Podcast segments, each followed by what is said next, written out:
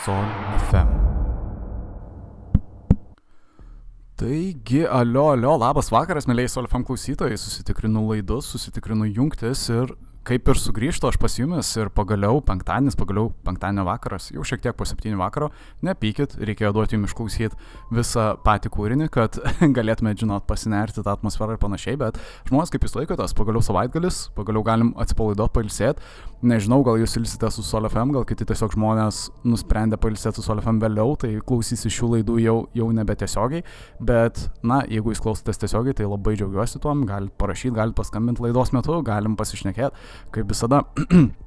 Vienaip ar kitaip, kas yra keista, tai uh, aš tikriausiai tą minėjau, čia, čia toks šiek tiek nei tema, nei, nei laidos pačios tema, bet uh, pastebėjau, kad nemažai žmonių internetu prisijungia, tai didelė padėka žmonėm, kurie atranda mus ir internetu, nežinau, nežinau kokiu būdu, kaip atrandat. Kartais būna įdomu išgirsti jūsų istorijas irgi, nes suprantat, mes transliuojam kaip ir FM Klaipėdoj, bet yra žmonių, kurie mūsų klausosi ir, na, sakykime, kad ir Amerikoje, ne, nesvarbu, kur jūs esate, jūs galite pasiklausyti internetu pačios radijos stoties.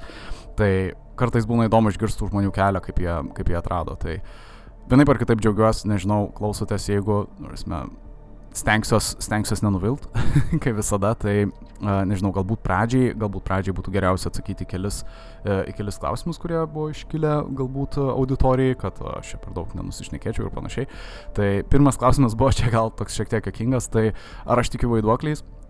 Berots toks klausimas jau buvo kažkada seniau, tai aš čia tiesiog pa, pasi, pasikartosiu šiek tiek, tai aš nesu, na, kaip čia pasakius, tikėt vaiduoklis, tai čia reiškia toks kaip besalgiškas dalykas. Uh, aš nežinau, aš tai nepasakyčiau, kad aš tikiu vaiduokliais, bet aš galbūt uh, esu tas, kuris mėgsta tiesą ir aš manau, kad galbūt ne viskas dar yra aišku. Rusme pasaulyje, aš, aš labiau esu linkęs na, mėgti tą procesą aiškinimus, žinot. Ir aš manau, kad mes dar visos tos tiesos nežinom. Tai gal yra tam tikri fenomenai pasaulyje, kurių dar mes nesam išsiaiškinę. Prasme, nežinau. Ar tai yra vaiduokliai, vėlgi nežinau, bet aš nelabai esu linkęs tikėti tais eksperimentais, ten kelių gramų eksperimentais, gal esat girdėję, ten kur uh, žmogų, kuris vos tik tais, sakykime, miršta, jį iš karto pasveria ir, ir na, nustato, kad jisai po mirties sveria ten keliais gramais mažiau. Ir žmonės taip nustatė, sako, čia sielos svoris. Tai, na, aš, aš nemanau, kad aš, aš to nelabai tikiu, aš sakyčiau, čia tokie labai keisti eksperimentai ir jie tokie daugiau pseudomokslas ir, ir na, tokie, žinot, fe fenomenų tyrėjai, ten tie mitų, mitų griovėjai, bet čia, bet čia tokie, na, nemoku paaiškinti, man toks jau šiek tiek, nemoku paaiškinti, net šiek tiek su logika apsiribojantis gal dalykas, bet aš tikrai neneigiu to, aš manau, kad vis tiek kažkokie eksperimentai turėtų būti daromi, čia vis tiek kažkoks eksperimentas, jisai nežinau kokią vertę parodo, gal kiek oras svėrė, nežinau, kas tame žmoguje, kuris vėliau nu, numirė ir, sakykime, iškvėpė paskutinį orą, sakykime, ar ką jis turėjo ten, sakykime, iš savo kūno. Nežinau, kas, kas buvo pasverta tais keliais gramais, bet tiesiog atsakant klausimą, aš nesu tikintis vaiduokliais, bet aš labiau manantis, kad mes gal dar ne viską žinom apie mūsų pačią pasaulį, pa, pačių pasaulį, jo labiau ne apie visatą. Ir galbūt ateityje, ta prasme, su laiku mes išsiaiškinsim vis daugiau ir daugiau ir galėsim paaiškinti tam tikrus fenomenus, kuriuos matė jau ir mūsų protėviai, sakykime, ir iki šiol kai kurie žmonės mato. Tai taip, aš nesu linkęs pult žmogų sakyti, kad jis yra išprotėjęs, jeigu jis sako, kad jis kažką matė ir jam, sakykime, pasivaideno. Aš, aš linkęs daugiau pasiaiškinti, kaip viskas įvyko iki to pasivaidenimo, tarkim, išsiaiškinta tiesa. Gal žmogus paprasčiausiai vartoja narkotikus, nežinai, ir gal jam pasivaideno, o gal tiesiog jam pasivaideno, nes, na, iš tiesis gal buvo tokioj būsenoj, keistoj ir, ir na, galbūt iš ties buvo keistų aplinkybių. Jo labiau žinot, kad aš mėgstu skraidančias lėkštas, tai aš nieko, apie, nieko aš daugiau apie vaiduoklius nesakysiu. Tai gal uždarykim šitą klausimą. Taip, iš esmės, kitas klausimas buvo tiesiog, kodėl radio stotis neveikia šį antradienį šiek tiek. Tai aš berots, berots minėjau, tu prasme, buvom parašę per Facebooką, kad antradienį, šį antradienį, tu prasme, sausio 30 vyks elektros skirstimo operatoriaus darbai. Na, tiesiog buvo remontuojama, remontuojama visam pastate, tu prasme, sakykime, elektra ir realiai buvo atjungta jinai. tai taip, nepykit žmonės, bet jau sugrįžom, dabar jau esam tvirtesni. Ir uh, kad jūs pamalonint, aš turėsiu tokią šiaip netaip jokingą dalyką, nežinau, tokį kaip ir turiu slaptą projektą, galbūt net ir girdisi šiek tiek čia na studijoje toks užimas, dabar iš ties išnaudoju savo, savo kompą, sakykime, su pajėgumu, e, iš esmės bandysime YouTube įkelti irgi šitas laidas, nes kai kurie žmonės nurodė, kad visai norėtų pasiklausyti na, per YouTube. Tai žinoma, mes bandom sukurti su tokiam vizualizacijom ir panašiai, kad, na, netrodytų labai jau, žinot, pigiai, nežinau kaip tą pasakyti. Aš mes norim atrodyti gerai prieš jūs. Tai taip, žmonės artimiausiu metu gal pamatysit mūsų laidas ir galėsit pasižiūrėti per YouTube. Tik jos užtruks šiek tiek ilgiau, nes, na, savame suprantama, reikia montuoti ir panašiai. Bet pasistengsim jūsų nepalikti, žinot. YouTuberių nepalikti, YouTube stebinčių žmonių nepalikti likimo valiai. Taip, o dabar pereikim prie šios dienos temos. Jau galų gale galiu prieiti prie tos įdomybių ir kitų dalykų.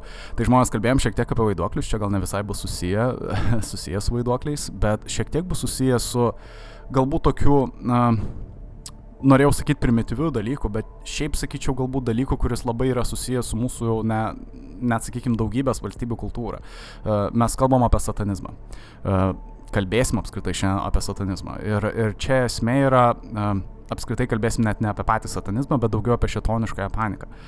Ta minėjau berots kažką buvau užsiminęs dar praėjusią savaitę berots apie šitonišką paniką ir patį šitą fenomeną, kas yra keista, tu prasme, na, mane stebinantis apskritai fenomenas. Bet man kartu ir iškyla tokia šiek tiek gal samokslo teorija, kad galbūt jisai turi kažkiek tiesos. Ta prasme, kad jis negali būti paremtas visiškai niekuom. Bet tie, kas nežino, tai ta prasme, iš esmės mes buvom pateikę kaip visada myslę, tai kaip visada mūsų socialiniuose tinkluose buvo kelios nuotraukėlės, apie ką mes šnekėsim.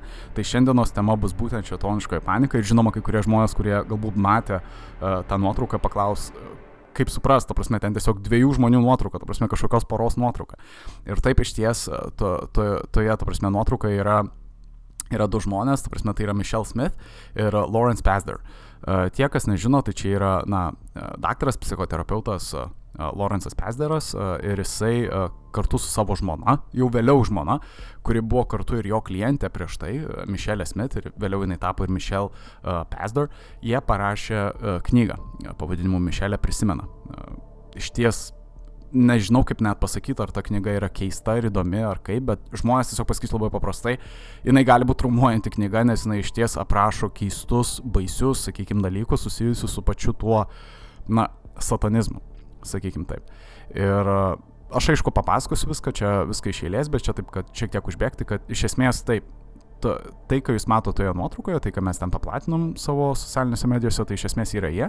Jie parašė knygą ir tos knygos pagrindų realiai prasidėjo šita šetoniškai panika. Ta prasme, jinai ga, realiai išgarsino tą visą šitonišką paniką. Mano nuomonė, realiai šitą knygą ir pradėjo visą tą šitonišką paniką.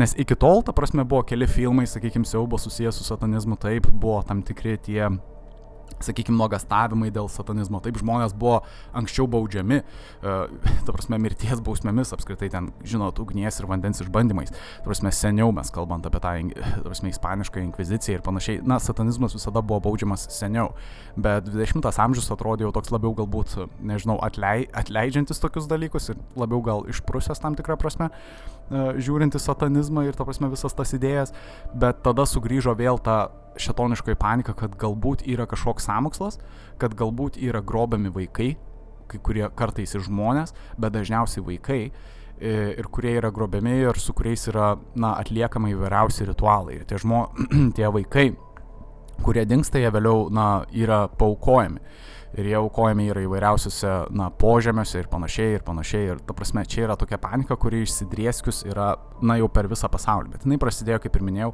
1980-aisiais, tikėtina nuo šios knygos, Mišelė prisimena, uh, kurią parašė būtent šie du autoriai. Tai psichoterapeutas ir jo vėlesnė žmona, tu prasme, kuri buvo ir klientė. Čia yra išties įdomi ir keista ir galbūt ir kraupi istorija tam tikrą prasme. Tai žmonės, jeigu, kaip visada įspėju, jeigu turit, sakykime, uh, nežinau, nemėgsta tokių istorijų, tai uh, iš, ties, iš ties nežinau ką pasakyti, nežinau, ar aš nenoriu, kad jūs išeitumėt, bet, bet kartu ir nenoriu, kad būtumėt, žinot, sutraumuoti. Tai iš, iš, iš esmės taip, aš paminėsiu, paminėsiu tam tikrus dalykus iš pačios knygos, iš Mišelė prisimena. Tai tie, kas neskaitė tos knygos, nežinau, ar norit save traumuot, galit, bet uh, iškart pasakysiu, kad šiek tiek porą dalykų pasakysiu iš pačios knygos. Tai mano, čia realiai mano pagrindinis bus šaltinis ta knyga. Ir, uh, na, žinoma, bandysim diskutuoti apie patį fenomeną. E, tai kaip ir minėjau, jau bandžiau apibriežti patį fenomeną ir kaip jisai skamba, tai ta šetoniškoji panika, tai realiai nuo 80-ųjų prasidėjęs e, dalykas, kad daugybė žmonių staiga pradėjo šnekėti, kad jie prisimena apie tam tikrus, nu, šetoniškosius ritualus, ta prasme, iš savo vaikystės. Ir jie staiga pradėjo prisiminėti tokius dalykus. Daugybė žmonių, daugiau nei 10 tūkstančių liudytojų nuo, nuo 80-ųjų metų jau kaip ir buvo apklausti. Ir buvo prieita išvada, kad realiai visi tie žmonės išsigalvojo šitą dalyką. Čia yra labai keistas dalykas dabar, ką aš šimtai sakau, tikriausiai galvosit, na, negi dešimtis tūkstančių žmonių ir, ta prasme, nei vienas iš jų nepasakė tiesos. Bet aš jų nekaltinu, nei vieno iš jų, nes iš esmės čia yra labiau galbūt kalti žmonės, kurie pardavė jiem tą idėją. Ir pabandysiu tą paaiškinti per kelis, kelis tuos, na, fenomenus kitus. Tai yra, gal girdėjote apie tokį dalyką kaip menamoji atmintis, ta prasme, mena, menamasis prisiminimas. Tai mes kalbėsime ir apie šitokius dalykus, ta prasme, apie menamuosius prisiminimus, apie įklyjuojamosius prisiminimus ir panašiai. Ir kartu kalbėsime apie atgautus prisiminimus. Tai yra, na, tuos uh, įsivaizduojamus prisiminimus, kurie net nemoku kitaip paaiškinti, tarkim, žmonės įsivaizduokit hipnozės senso metu, jūs prisimintumėt kažką, ką visiškai pamiršot. Tai čia toks, na, keistas galbūt dalykas, vėlgi keistas fenomenas, bet mes bandysim viską išsiaiškinti palaipsniui. Aš čia atleiskit, kad vis šiandien užbėgu už akių, man penktadienį ypač sunkus, nežinau net kaip kitaip paaiškinti, bet atsipalaiduokit, pabandysiu ir aš atsipalaiduoti, tuoj luktelkit, aš turėčiau šiaip atsisėsti normaliai, tai taip, atsipalaiduosiu galvo. Dabar galbūt šiek tiek uh, bus geriau, bet taip, iki to laiko gali žmonės rašyti, skambint, nežinau, pasakot, ką nors apie save, visada priemu žinutės. Tai taip, nusėmiau laikrodį ir pabandysiu jau pradėti pačią istoriją. Uh, tai taip, uh, Mišelė Smith, uh, da, dar kai jinai buvo tik Mišelė Smith, e, jinai turėjo šeimą, jinai buvo, na, sakykime, normali, e, normali uh, mergina, tai prasme, vėliau ir normali žmona, galima sakyti, apie kažką, kažką apie ją įdomaus nepapasakosiu iš ties, tai tiesiog žmogus, kuris sukūrė tam tikrą šeimą. Ir lygiai taip pat jinai lankėsi dažnai pas terapeutą, terapeutą daktarą, daktarą Lorenzą Pasderį. Uh, daktaras Lorenzas Pasderis, jisai turėjo tam tikrų idėjų apie pačią savo, na, psichoterapiją ir apskritai apie savo, na, mokslą. Prasme, kiekvienas galbūt mokslininkas turi kokią nors idėją tapti populiariu, ta prasme, ir kokį nors kelią, kokiu jie norėtų tapti populiariais, ta prasme. Uh, Lorenzas įsivaizdavo save kaip mokslininką, kuris norėtų rodytis dažnai žiniasklaidai, kuris norėtų, na, išpopuliarinti patį savo, savo mokslą, bet iš verslo pusės. Jis norėjo tapti ne tik geras, ne tik geras daktaras, bet ir geras verslininkas savame suprantama. Jisai daug keliavo, jisai daug stebėjo įvairių kultūrų, kaip pavyzdys, jį daugiausiai domino kultūros, kurios yra labai pasinešusios į savo vietinę religiją tai ir savo papročius. Tai kaip pavyzdys, jisai dažnai lankydavo įvairiausias, na, gentis Afrikos valstybėse.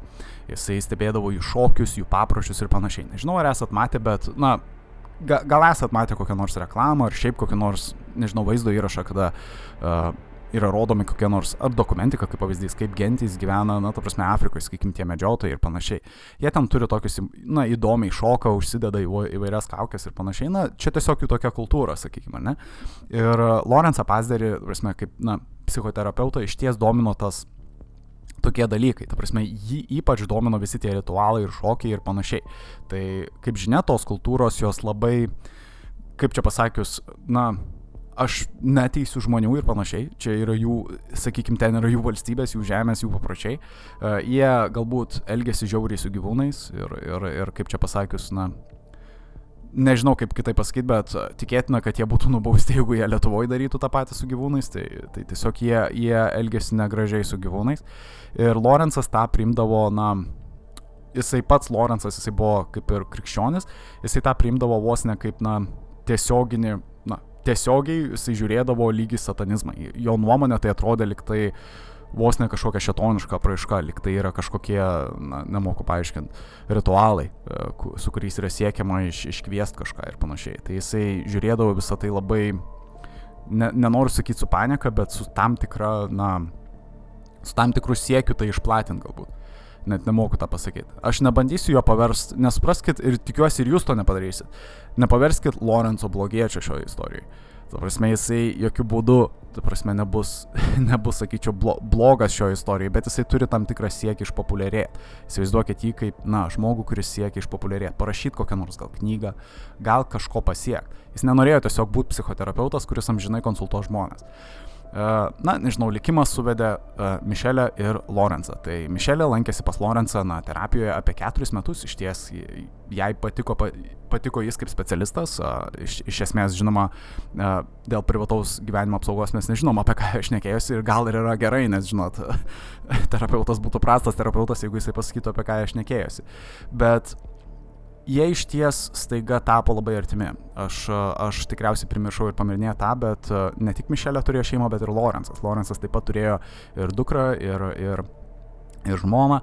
Ir e, iš esmės jie abu turėjo savo atskiras šeimas, bet jie kartu ir dirbo, sakykime, prie to, prof, turėjo tą tokį, nežinau kaip čia pasakyti, profesinį gyvenimą. Tai yra, kuomet Mišelė lankydavosi pas, e, pas Lorenzą jo darbo metu ir, ta prasme, na, savame suprantama, Lorenzas, na, suteikdavo jai terapiją, sakykime. Bet kaip mes pamatysim per tos keturis metus, užsimesgė tarp jų kažkoks artimesnis ryšys, vos ne kaip draugystė. Ne, prasme, nepasakysiu, kad tai užsimesgė iškart kaip meilė, bet daugiau kaip toksai, na, pasitikėjimo ryšys.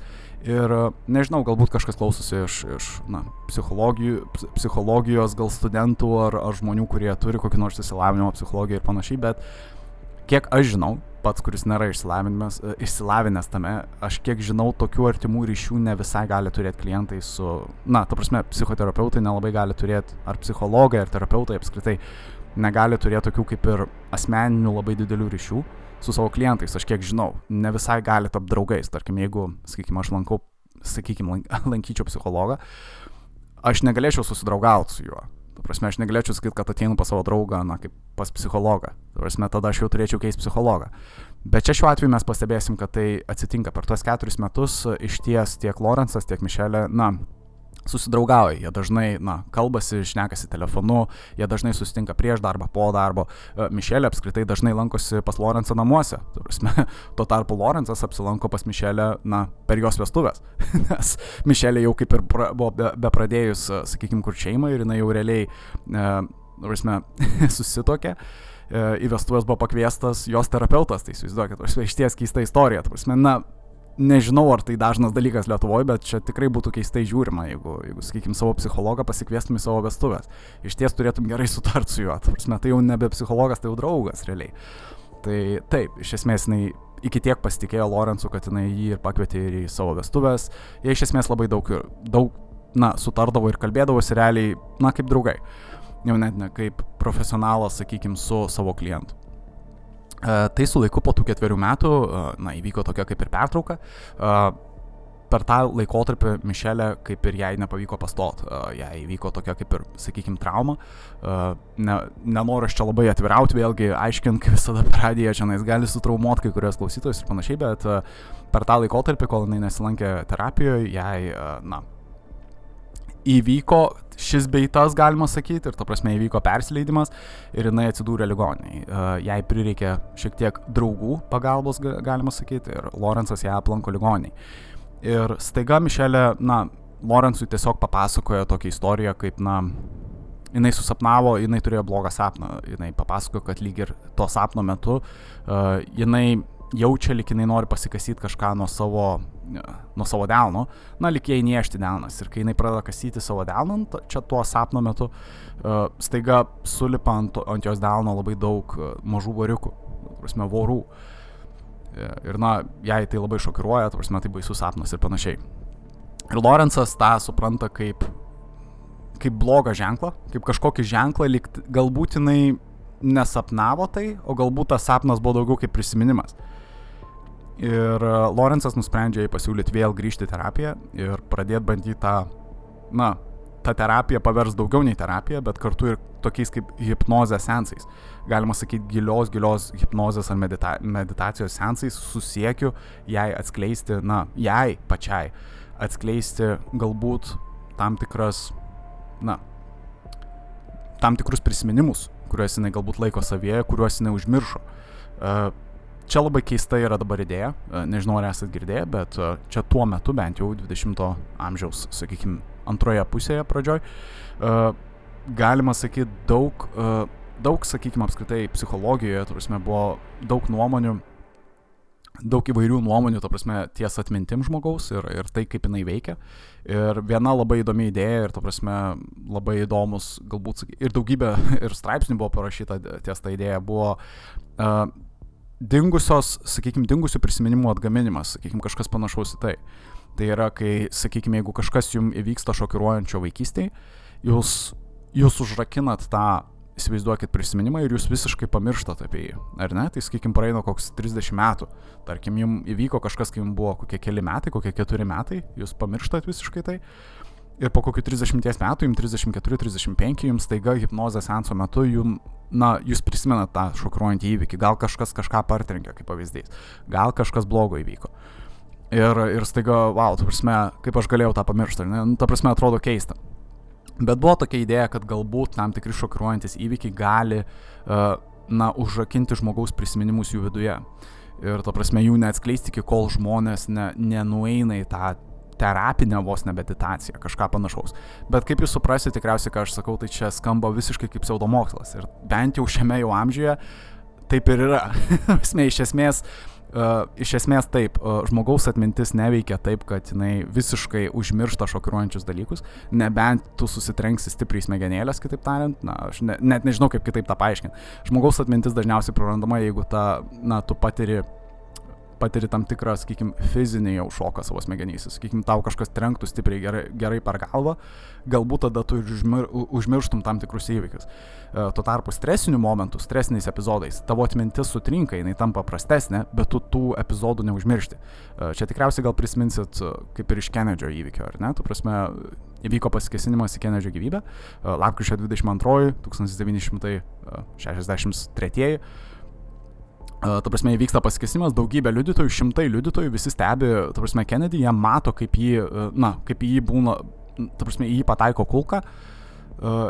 Ir, ir, ir jie, ta prasme, puola bėgti, ta prasme, puola didžiulę paniką. Ir iš esmės, kas atsitinka, žmonių atmintis, jinai suprastėja iki tiek, kad jų net liudijimai, ta prasme, išsiskiria vienas iš kito visiškai. Ta prasme, žmonės pradeda pasakoti apie vos neskirtingas istorijas, bet ką jie prisimena, jie vis tiek gerai prisimena, kad buvo šūvis. Ta prasme, jie gerai viską prisimena ir nėra taip, kad kažkas iš vis pamirštų, kas buvo.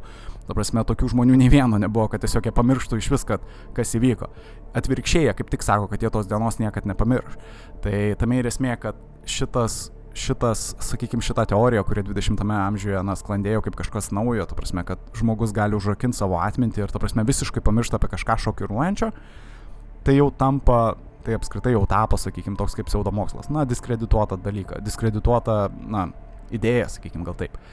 Tai tuo metu, ta prasme, tuo metu, kaip ir minėjau, tai buvo populiari idėja ir, ir bent jau Lo, Lorenzas, ta prasme, nusprendė nu, nusprendė panagrinėti, ar gal vis dėlto Mišelė prisimena kažką ir užrakino savyje, kažką keisto, ta prasme kažką, kas galbūt gali būti šetoniško. Ir aš tik priminsiu, bet Lorenzas yra labai tikintis žmogus. Jisai nėra tiesiog specialistas, terapeutas, bet jisai yra labai tikintis.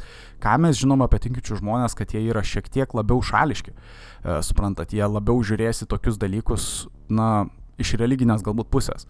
Suprantat, jisai nežiūrės galbūt iš tos pusės, kaip, na, jam patart ar padėti kaip terapeutui, bet jisai žiūrės iš tos pusės kaip, labiau religinis atstovas, kad, na, tau galbūt kažkas atsitiko religingo ar, ar kažkas panašaus. Tikriausiai suprantat, ką turiu menį. Tai taip, ir nuo 1976 metų taip ir prasideda jų terapija, e, jų terapijos sensai. E, Lorenzas iš karto nusprendžia padaryti įdomų dalyką, jisai nusprendžia pradėti rašinėti uh, terapijos sensus. Jisai pradeda įrašinėt ir kartu jisai paprašo ir vienos savo padėjėjos, kad jinai uh, senso, ta prasme, perklausydama tuos sensus, uh, juos užrašytų. Uh, nes jau Lorenzas mato galimybę, kad jis galėtų, na, kad jis gali aprašyti knygą. Prasme, Lorenzas dar, dar savo karjeros pradžioje, jisai, jisai nekartą savo žmonai teigia, kad jisai iš esmės norėtų būti tas terapeutas, e, kuris parašytų knygas, sakykime, kuris taptų populiarus, kuris taptų, na, žinomas, sakykime, išpopuliarėtų su kokia nors nauja idėja. Tai Lorenzas nežiūrėjo į savo profesiją, kaip ir minėjau, kaip tiesiog paprastas terapeutas. Jisai norėjo būti tas terapeutas, apie kurį visi šneka, žinot. E, prasme, televizijoje visi šneka, kurie, kur visi nori jį aplankyti. Tai realiai Lorenzas pamatęs, kad Mišelė kažką bando prisiminti ir panašiai, jisai, jisai nusprendė, kad reikės parašyti knygą. Ir jisai bandė parašyti tą knygą kartu, remdamasi savo religiniais įsitikinimais, jisai bandė savo tuos rastus dalykus Mišelėje, ką jinai papasakojo jam per, per tuos sensus, e, perduoti Vatikanui, kad Vatikanas irgi ištirtų tuos dalykus savotiškai iš religinės pusės. Dabar ką mes gavom, mes gavom knygą pavadinimu Mišelė prisimena. Ir jinai yra išties šokiruojanti knyga ir, ir taip jinai pasakoja labai šokiruojančius dalykus, uh, kuriuos yra sunku na įsivaizduoti. Bet aš manau, kad šita istorija nu, nukryps šiek tiek kitaip nei jūs įsivaizduojate. Jinai nukryps šiek tiek prie meilės. Tuo prasme daugiau prie, prie, to, prie to principo, kad meilėje gali daryti, ką nori. Aš žinau, kad tikriausiai teisit ne vieną žmogų šitoje istorijoje, tu prasme, ir jau tikriausiai jau Lorenzą kai kurie gal teisėt, sakot, kad jisai, na, blogėtis ir panašiai, bet žiūrėkite Lorenzą kaip žmogų, kuris, na, tiesiog siekia daugiau iš to, ką jisai turi, ką jisai pasiekė. Sakykime, aš, aš spėju daugybę žmonių jūs sutinkat, kurie yra tokie patys, tu prasme, realiai, kurie nori kažko daugiau iš savo karjeros. Nepaisant visko, jie nori, na, nesvarbu, kuriame tu aukšte gyvensi, tu nenori mirti tame pačiame aukšte, tu nori mirti aukščiausiame aukšte. Suprantat, ką turiu menį. nenori prabudęs pirmam aukšte ir likti jame, tu nori užlipti į šimtinį ar, ar į tūkstantinį, nežinau, aukštą. Dabar esmė ir jame pragyvent. Uh, tai taip. Uh, tęsiant toliau, tai istorija kaip ir prasideda, kad Mišelė, uh, Mišelė yra realiai paguldoma, uh, ta prasme, terapijos metu ir, ir visi sensai vyksta, kad, na, Mišelės yra prašoma, kad jinai pasinertų kuo giliau į savo, na, į savo atmintį, uh, ta prasme, pasistengti, na, jie realiai kaip užhipnotizuoja, bet pats Lorenzas, jisai net nevadina to hipnozai, jisai sako, kad jinai net nebuvo užhipnotizuota, jinai buvo labiau vos ne meditaciniai, labai gilioje meditacinėje būsenoje. Ir pati Mišelė vėliau, ką jinai pasakojo, tai kad realiai realiai viskas, viskas ką, kas jai buvo sakoma, tai, na, Lorenzas jai sakydavo, kad tiesiog eik, kur tau reikia, Mišelė, o aš tave seksiu iš paskos. Tu prasme, kad, na, tu daryk, ką tu nori, vos ne taip, ir tu man pasako, ką tu matai, o aš, o aš tiesiog tau seksiu iš paskos. Ir jeigu reikia, padėsiu, vos ne taip. Ir Mišelė pradeda pasakoti istoriją, kad jinai būdama penkerių metų, realiai nuo 1954 metų, ką jinai prisimena, tai kad jinai buvo uh, buvo atiduota jos mamos, ta prasme jos mama, kuri jos manimu irgi buvo satanistė, ją atidavė, na, sektai, kažkokiai šetoną garbinančiai sektai, e, kuri ją kankino, e, kol jinai buvo vaikas ir kankino įvairiausiais būdais. Aš čia kaip pavyzdys pasakysiu, na, e, užsiuvo ją į ragus. Ta prasme, užsiuvo ją, na, tiesiog ne to žodžio prasme, ta prasme, gyvūno, gyvulio, ta prasme, ragus ir, ir uodegą, ta prasme, prisiuvo. Uh, ją įvairiais būdais kankino, na, čia tiesiog net nebandysiu tiesiog sakyti, bet iš esmės ją visai kankino ir jinai matė, kaip, kaip tie žmonės, ta prasme, tie kankintojai jos, uh, degino, tarkim, vaikus, valgė juos, uh, ta prasme, įvairiausiais, na, na, suprantat, kad turiu menį įvairia, įvairiausios aukos ir iš esmės, kad, na, visi tie žmonės siekia kažkaip iškviesti šetoną galbūt. Ir visa tai vyko nuo, kaip ir minėjau, nuo 1500, 900, e, atleiskit, 54 iki 1955. Tai jinai buvo pagrobta labai ilgą laikotarpį. E, kai kuris e, net knygos metu jinai prisimena, kad būdama va būtent tų penkerių metų, to prasme, jinai net buvo vienu momentu, to prasme, kankinama virš 80 dienų, to prasme, jinai buvo kažkokio ritualo metu, kuris truko 80 dienų ir kurio metu net realiai jinai taip įsivaizduoja, kad buvo iškviestas net, nežinau, šetonas, ta prasme, bafometas, kažkas panašaus, nežinau. Ir, ir taip yra pasakoma toje knygoje. Tai žinoma, Lorenzas išgirdęs tuos dalykus, jisai, jisai negali patikėti. Ir, tu prasme, pasiklausius tų įrašų, atrodo, na, iš ties Mišelė skamba lyg ji, na, patiria tą dalyką, jinai, jinai pradeda verkti, jinai pradeda šaukti. Uh, ir, ir iš ties yra keista. Tu prasme, baisus dalykai. Net nežinau, kaip tą pasakyti kitaip. Bet uh, Lorenzas pastebi, kad, na, yra galimybė išleisti knygą e, su šitų dalykų, prasme, ir, ir kad tai yra išties dalykas, kuris ne tik šokiruos visuomenį, bet ir kartu, na, iškels jį aukščiau kitų psichoterapeutų. Savame suprantama, tai yra Lorenzo biletas į karjeros viršūnę realiai. Kaip ir minėjau, nuo, nuo pirmojo aukšto į šimtinį aukštą tu gali pakilti per dieną, jeigu tu tik išleisi tą knygą. Tai ką Lorenzas nusprendžia padaryti, kaip ir minėjau, jisai pa, paprašo savo padėjėjos, kad jinai tiesiog perrašytų visą tai, ką jinai girdi įrašuose. Vėlgi įrašai yra prastos kokybės, jų praktiškai neįmanoma suprasti, kas ten išnekama. Tai tai, kaip jinai suprato, tarkim, tą, e, tą jo padėjėją, jinai taip ir daug maž surašė tuos, tuos įrašus. E, Lorenzas tada vėliau paimdavo tai, ką jinai surašė, jisai pataisydavo, tai galbūt net ne tai, suprantat, ką noriu pasakyti, kad Lorenzas pataisydavo pačios Mišelės realiai perrašytus žodžius, prastai galbūt net perrašytus žodžius ir jis jas pataisydavo, kad na skambėtų, žinot, galbūt geriau, prasme, geriau parduodamai, tu prasme, kaip knygai. Ir tu prasme, jisai perrašydavo ir vėliau iškeliaudavo pas redaktorių, tu prasme, visi, visi tie dalykai. Ir, ir taip, ta knyga buvo rašoma ganėtinai ilgą laikotarpį ir, kaip ir minėjau, patys sensai prasidėjo nuo 1976 ir realiai knyga išėjo 1980-aisiais. Ir uh, jinai buvo na, kaip čia pasakius, bestselleris, net nežinau kaip tą kitaip įvardinti. Prasme, iš esmės daugybė žmonių ją pirko, daugybė žmonių buvo šokiruoti tos knygos, daugybė radijos stočių, kaip pavyzdys dabar mes šnekam apie tai, bet tuo metu 1980-aisiais ir vėliau kalbėjo būtent apie tai, kvietė tiek Mišelę, tiek Lorenzą į įvairiausius interviu. Ta prasme, Lorenzas ir Mišelė, jie buvo bendrautoriai ir jie tapo realiai kaip ir žvaigždės, influenceriai. Ta prasme, psi, psicho-influenceriai, galima taip sakyti, ar ne, terapeutai influenceriai. Tai iš, iš esmės tai skambėjo lyg terapeuto ir jo kliento didžiulė sėkmės istorija, nes pačioje, pačioje knygoje realiai ką bando Lorenzas pabrėžti, kad iš esmės Mišelė įveikė visą tai, kad jinai pragyveno ir, ir sugebėjo išgyventi visą tai.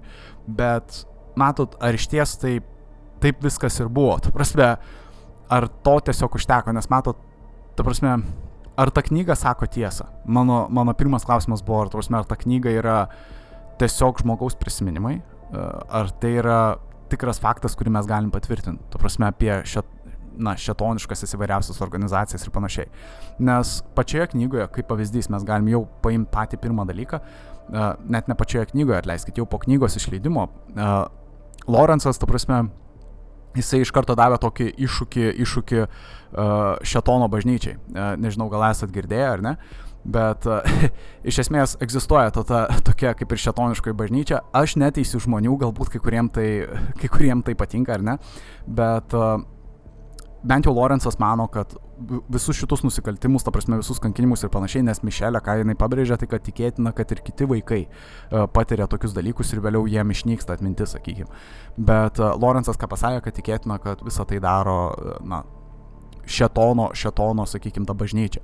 Šetono bažnyčia buvo atidaryta, nežinau, ar, ar girdėjote tokio įdomaus personažo, šiek tiek jokingai atrodančio, aš neslėpsiu, jis atrodo kaip, na, na, komikas atrodo, tarsi Antonas Labei. Jisai buvo, na, tarsi, muzikavo daug, jisai buvo autorius įvairių knygų, jisai, na, parašęs yra šetonišką Bibliją ir panašiai. Žmogus atrodo jokingai paprasčiausiai. Ir, na, jisai pradėjo, pradėjo tą šetoniškąją bažnyčią dar 1960 berots šeštaisiais, jeigu, jeigu neklysiu. Ta prasme, jie įregistravo viską oficialiai ir panašiai pati šetoniškoji mokykla, sakau, aš bažnyčia ar, ar panašiai, jinai netrodė kažkas pavojingo, jinai atrodė toks daugiau kaip, na, hedonistų susirinkimas. Žinot, ką turiu omeny, tu prasme, tai nebuvo kažkas, ką jie praktikuotų, na, taip kaip yra aprašoma Lorenzo knygoje.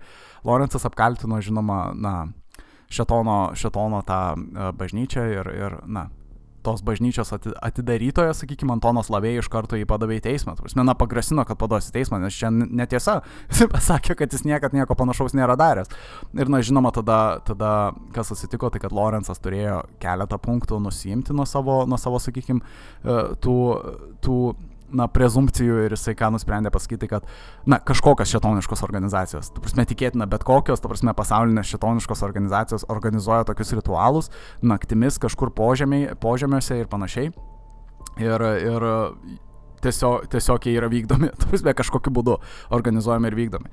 Mišelė vėlgi neprisimena nei vienos kitos pavardės. Iš visų žmonių, kurie jinai sutiko, nes jinai vėlgi minėjo, kad daugybė, gal net šimtai žmonių e, buvo jos sutiktų per tuos prisiminimus, jinai nesugebėjo vardinti vieno žmogaus. Ar ne? E, tada vėliau vėlgi, vienintelis žmogus, kurį jinai gali prisiminti, tai buvo jos mama. E, jinai teigia, kad jinai irgi buvo satanistė, kuri atidavė ją, ta prasme, šitiem žmonėm, kad jie vėliau ją, na, kankintų iš ties baisus, kraupus dalykas, ta prasme, jos mama nesugebėjo apsiginti, ta prasme, nes jinai neišgyveno iki to laikotarpio kaip jie. Tai jinai, mama neturėjo jokių, na, negalėjo net atsakyti tokius komentarus.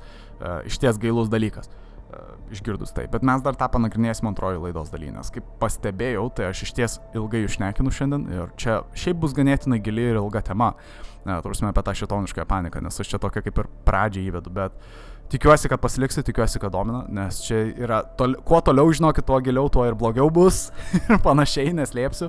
Čia apie tas visas šetoniškasis organizacijas ir panašiai ir, ir tas visas. Bet klausimas galbūt tok, toks bus esminis jums. Ar jūs tikit, kad Mišelė kažką iš tiesų prisimena? iš, iš, iš tos knygos. Ta prasme, nežinau, ta, ta knyga Mišelė prisimena, tai klausimas jum, ar Mišelė iš ties prisimena kažką jūsų nuomonė. O gal jūs manot, kad ji viską, visą tai išsigalvojo? Kaip jūs galvojate? Nes kaip pavyzdys, jos draugės iki šiol mano, kad, na, jinai iš ties kažką patyrė. Nes Mišelė iki šiol yra gyva, o Lorenzas, na, jau nebėra gyvas. Bet Mišelė, Mišelė iš ties galvoja, tiek Mišelė, tiek jos, tiek jos uh, draugės iš ties mano, kad jinai kažką patyrė. Prasme, keistas dalykas. Bet kaip jūs galvojate, ar jinai iš ties kažką prisimena? Čia klausimas jums per tą laiką, kol pasvarstysit, nes sakau, dabar paliksiu jūs ramybėj plius minus 20 minučių ir po to sustiksim į antrąją laidos dalį. Patikėkit, bus įdomiau, tikiuosi, nes stengiuosi visko neužmiršti. Žinot, labai daug informacijos laikau savyje, tai tikiuosi per tos 20 minučių obolio valgymo, to prasme 20 minučių spėsiu, spėsiu viską pasikartoti tinkamai. tai žmonės, pasilikit su mumis, o iki to laiko kol kas palieku jūs ramybei ir taip, susitiksim neužilgo. Iki to laiko susirašykim. Iki iki ir sėkmės.